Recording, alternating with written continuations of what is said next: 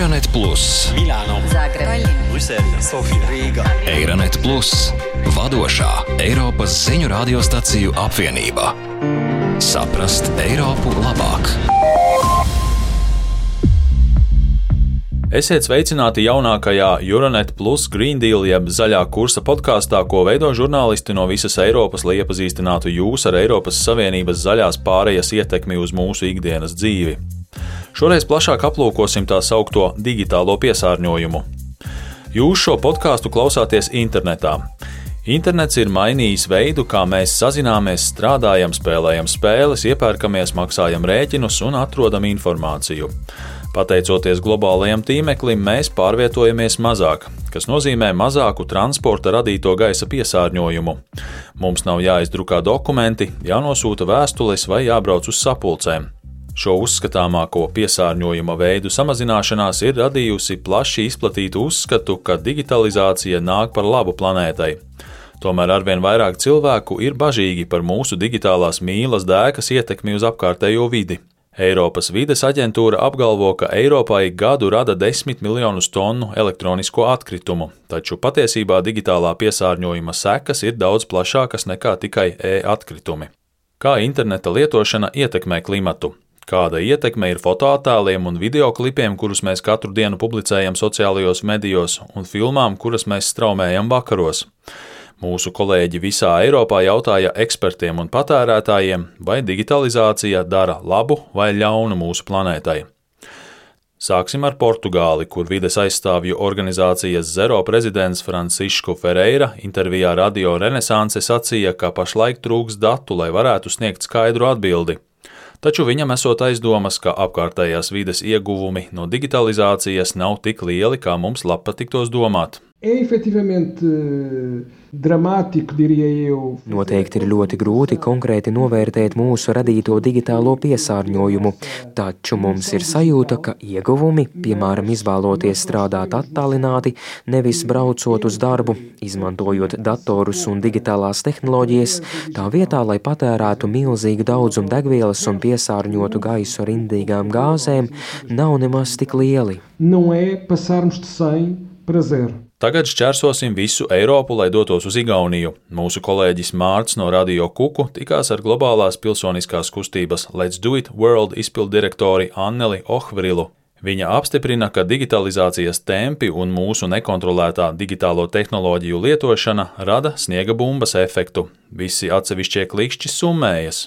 Täpselt nii, et noh, kui me jällegi toome paralleele füüsilise maailmaga. Ja velkam paralēlis ar fizisko pasauli, tad mēs arī domājam, ka viens plasmasas salmiņš, viens plasmasas maisiņš, viena kafijas krūzīte - tas nav nekas. Un mēs taču esam aizlieguši plasmasas maisiņus Eiropas Savienībā, esam ieviesuši direktīvas, lai aizliegtu vienreiz lietojamos plasmasas traukus un salmiņus. Viena kafijas krūzīte nenodara ļaunumu, taču problēma ir tajā, ka mēs visi tās lietojam lietojam ikdienu. Tas pats attiecas uz digitālo jomu. Viens attēls vai viens e-pasts nerada lielu daudzumu CO2 izmešu, taču fakts, ka mēs visi tos katru dienu publicējam un nosūtām, padara efektu patiešām lielu. Taču sniega bumba ripo un atpakaļceļa vairs nav. Tāpēc digitālā stratēģija un zaļais kurs ir divas galvenās Eiropas Savienības nākotnes prioritātes. Bet vai tiešām zaļā un digitālā revolūcija var iet roku rokā? Neraugoties uz to, ka mūsu digitālās aktivitātes nerada milzīgu oglekļa pēdas nospiedumu, tās tāpat rada siltumnīcas efektu izraisošās gāzes, tāpēc mēģināsim labāk saprast to, kā digitalizācija piesārņo. Beļģijas raidsabiedrība RTBF uzrunāja žurnālistu, dokumentālo filmu autoru un rakstnieku Gijomu Pitro, kurš īpaši interesējas par digitālo piesārņojumu. Viņš skaidro, kāpēc pat vienkārši patīk sociālajos tīklos rada piesārņojumu. Poster une vidéo naturellement pollue, cette vidéo, elle doit être. euh, Video publicēšana nepārprotami piesārņo. Šis video ir jālejupielādē no datu glabāšanas centra. Citiem vārdiem sakot, milzīga angāra, kurā atrodas pasaules atmiņu glabājošie serveri. Šie serveri ir izkaisīti pa visu pasauli. Uz Zemes ir 3 miljoni datu centru. Lai izveidotu savienojumu ar datu centru, ir nepieciešams Wi-Fi routeris, optiskais internets vai savienojums ar 4G antēnu. Datu centri ir savienoti ar pazemes vai zemūdens kabeļiem. Patiesībā, lai noskatītos parastu video, nosūtītu vienkārši patīk, mēs katru dienu pieslēdzamies milzīgai infrastruktūrai, kas ir izgatavota no metāla, betona un optiskās šķiedras. Infrastruktūrai, ko darbina ar oglēm, dabasgāzi, naftu vai urānu ražota elektroenerģija. Un šī infrastruktūra kļūst par lielāko lietu, ko cilvēks jebkad ir uzbūvējis. Šis piesārņojums strauji pieaug, jo mēs dzīvojam ar vien digitālākā pasaulē. Digitālās emisijas jau tagad rada aptuveni 4% no siltumnīcas efektu izraisošo gāzu emisijām. Tas ir vairāk nekā visas lidmašīnas, kas lido virs mums. Taču ņemot vērā to, cik strauji pieaug digitālo tehnoloģiju izmantošana, paredzams, ka šīs siltumnīcas efektu izraisošo gāzu emisiju daudzums līdz 2025. gadam dubultosies. Šķiet pašsaprotami norādīt, ka, lai varētu izmantot vietāluruņus, planšetdatorus, personālos datorus un saistītās lietojuma programmas, spēles, filmas, mums ir nepieciešama elektrība. Tas nozīmē, ka šo digitālo aktivitāšu ietekme uz vidi ir atkarīga no enerģijas avotiem, kas tiek izmantoti vajadzīgās elektroenerģijas ražošanai. Enerģētikas eksperts Antonio Lobosko no Milānas Politehniskās Universitātes ir sadarbojies ar kompāniju Microsoft piecu gadu investīciju plāna ietvaros, lai izveidotu lielu datu centru Itālijā. Džūlija no Radio 24 viņu intervēja attālināti izmantojot platformu Zoom. Facciamo questa distinzione. I nostri programmi, anche quello che stiamo Sāksim precizējot vienu lietu. Mūsu programmas, pat to, ko mēs pašlaik lietojam, Zoom, var instalēt datorā vai tai var piekļūt caur mākoni. Citiem vārdiem sakot, kaut kur serverī. Gan datoram, gan serverim ir nepieciešama elektrība, lai tie darbotos. Skaidrs, ka visam, ko darām datorā, ir nepieciešama elektrība, un tas rada piesārņojumu. Kāpēc? Jo šī elektrība kaut kā ir jārada. Neatkarīgi no tā, vai šī enerģija darbina mūsu ierīci vai serveri, tai ir ietekme uz vidi. Vai mēs varam teikt, ka nosūtot ēpastu mums ir atbilstošs oglekļa pēdas nospiedums, piemēram, 20 gramu oglekļa dioksīda? Īsti nē, jo tas ir atkarīgs no daudziem faktoriem. Ņemsim par piemēru divas galējības. Ja mana uzņēmuma serveri atrodas šeit, Itālijā, un šie serveri tiek darbināti no Itālijas tīkla, kas saražo vidēji 250 gramus CO2 uz kWh, tad man būs zināma ietekme uz vidi. Bet, ja mani serveri atrodas Ķīnā, kur elektrotīkls ir vairāk nekā divas reizes piesārņojošāks nekā Itālijā, un tie saražo aptuveni 550 gramus CO2 uz kWh, tad ietekme būs ļoti ļoti atšķirīga. Tik viļņa l'impatto sarà differente. Tas nozīmē, ka skatoties Netflix Itālijā, mūsu ietekme uz klimatu nav tāda pati, kā to darot Igaunijā vai sazinoties ar draugiem Vācijā vai Lietuvā, jo elektroenerģijas ražošanā radītās siltumnīcas efektu izraisošo gāzu emisijas ievērojami atšķiras dažādās valstīs. Katra valsts elektroenerģijas ražošanai izmanto atšķirīgus enerģijas avotus, tāpēc ir pašsaprotami, ka daži avoti rada lielāku piesārņojumu nekā citi.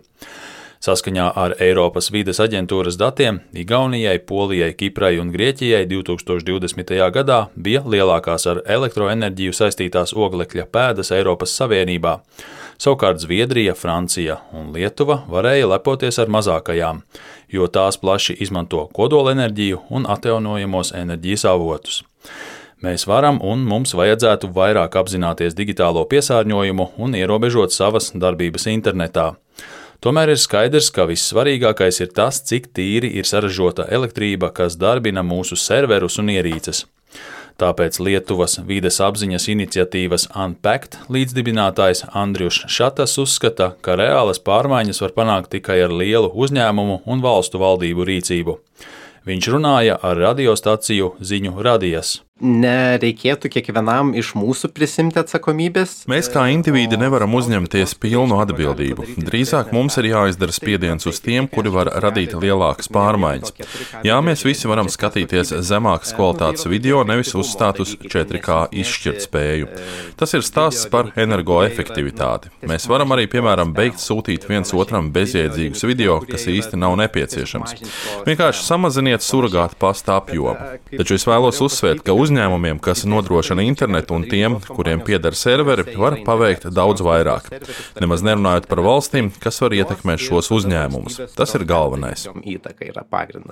Tāpēc ir būtiski, lai lielie tehnoloģiju uzņēmumi uzņemtos atbildību par savu milzīgo enerģijas patēriņu un apzināti izvēlētos izvietot savus datu centrus valstīs, kurās elektroenerģijas tīkls ir tīrāks. Savukārt mazāki uzņēmumi un privātpersonas var palīdzēt ietaupīt enerģiju un ierobežot piesārņojumu, vairāk izmantojot mākoņu datošanu, kas centralizē datus šajos lielajos datu centros, skaidro Antonio Lobosko. Beh, non ho numeri da portarti, però eh, la considerazione è questa, che Es nevaru jums sniegt konkrētus skaitļus, bet būtība ir tāda, ka datu koncentrēšanai lielos datu centros, kur izmanto augstākas specifikācijas iekārtas un visu pārauga speciālisti, vismaz teorijā vajadzētu būt efektīvākai. Mēs runājam par vairāk nekā 50% oglekļa pēdas samazinājumu, veicot līdzvērtīgu darbību. Tātad šis ir pirmais solis - centralizācija, nevis atsevišķa lietotāja individuālā datora izmantošana.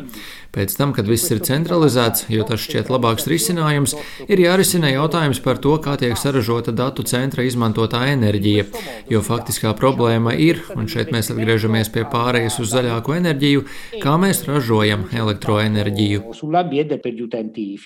Lobosko saskata ieguvumu tā sauktajos elektroenerģijas pirkuma līgumos, ko var noslēgt starp elektroenerģijas ražotāju un lielu elektroenerģijas patērētāju par konkrētu cenu un uz noteiktu laiku. Šajos līgumos var noteikt, kā jāražo iepērkamā elektroenerģija, kas liek uzņēmumiem labāk apzināties savu ietekmi uz vidi un veicina pāreju uz atjaunojamiem energoresursiem. Ko vēl var darīt? Piemēram, regulāri iztīrīt savu digitālo miskasti, saka tiešsaistes mediju eksperte Justina Tomsa, kura sarunājās ar mūsu kolēģiem no Bulgārijas Nacionālā radio.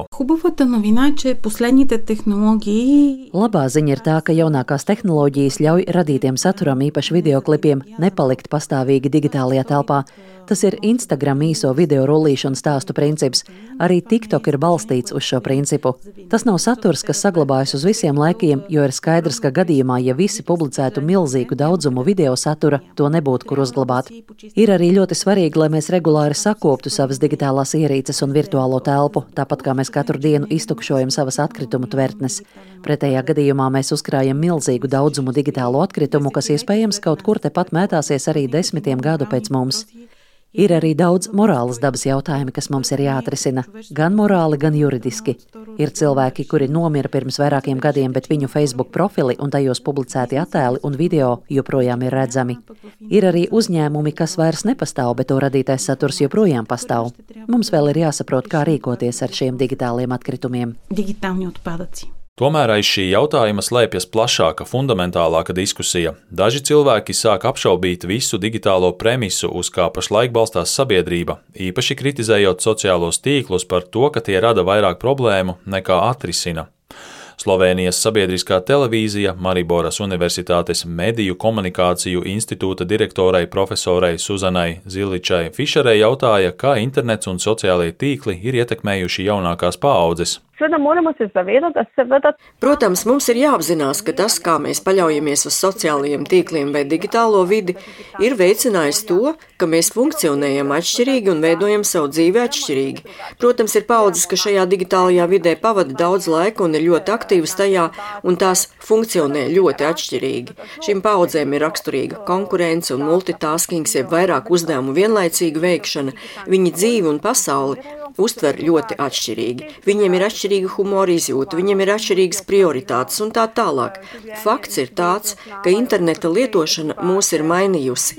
Varbūt mums ir nepieciešama digitāla attīrīšanās. Protams, no vienas puses tas ir jautājums par mūsu pašu spriedumiem, kā arī par to, ko mēs vēlamies sasniegt ar savām aktivitātēm internetā un ierakstiem sociālajos tīklos. Polijas sabiedriskā radio kolēģi intervēja sociologu Jānu Spīvaku.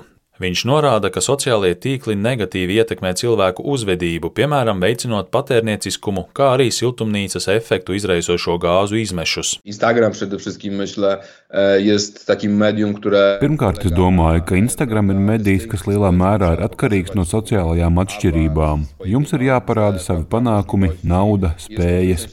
Tādā ziņā tas ir ļoti manipulatīvs un agresīvs medijs, jo mēs visi sevi salīdzinām ar slavenībām, kas brīvdienas pavada Zanzibārā ārā.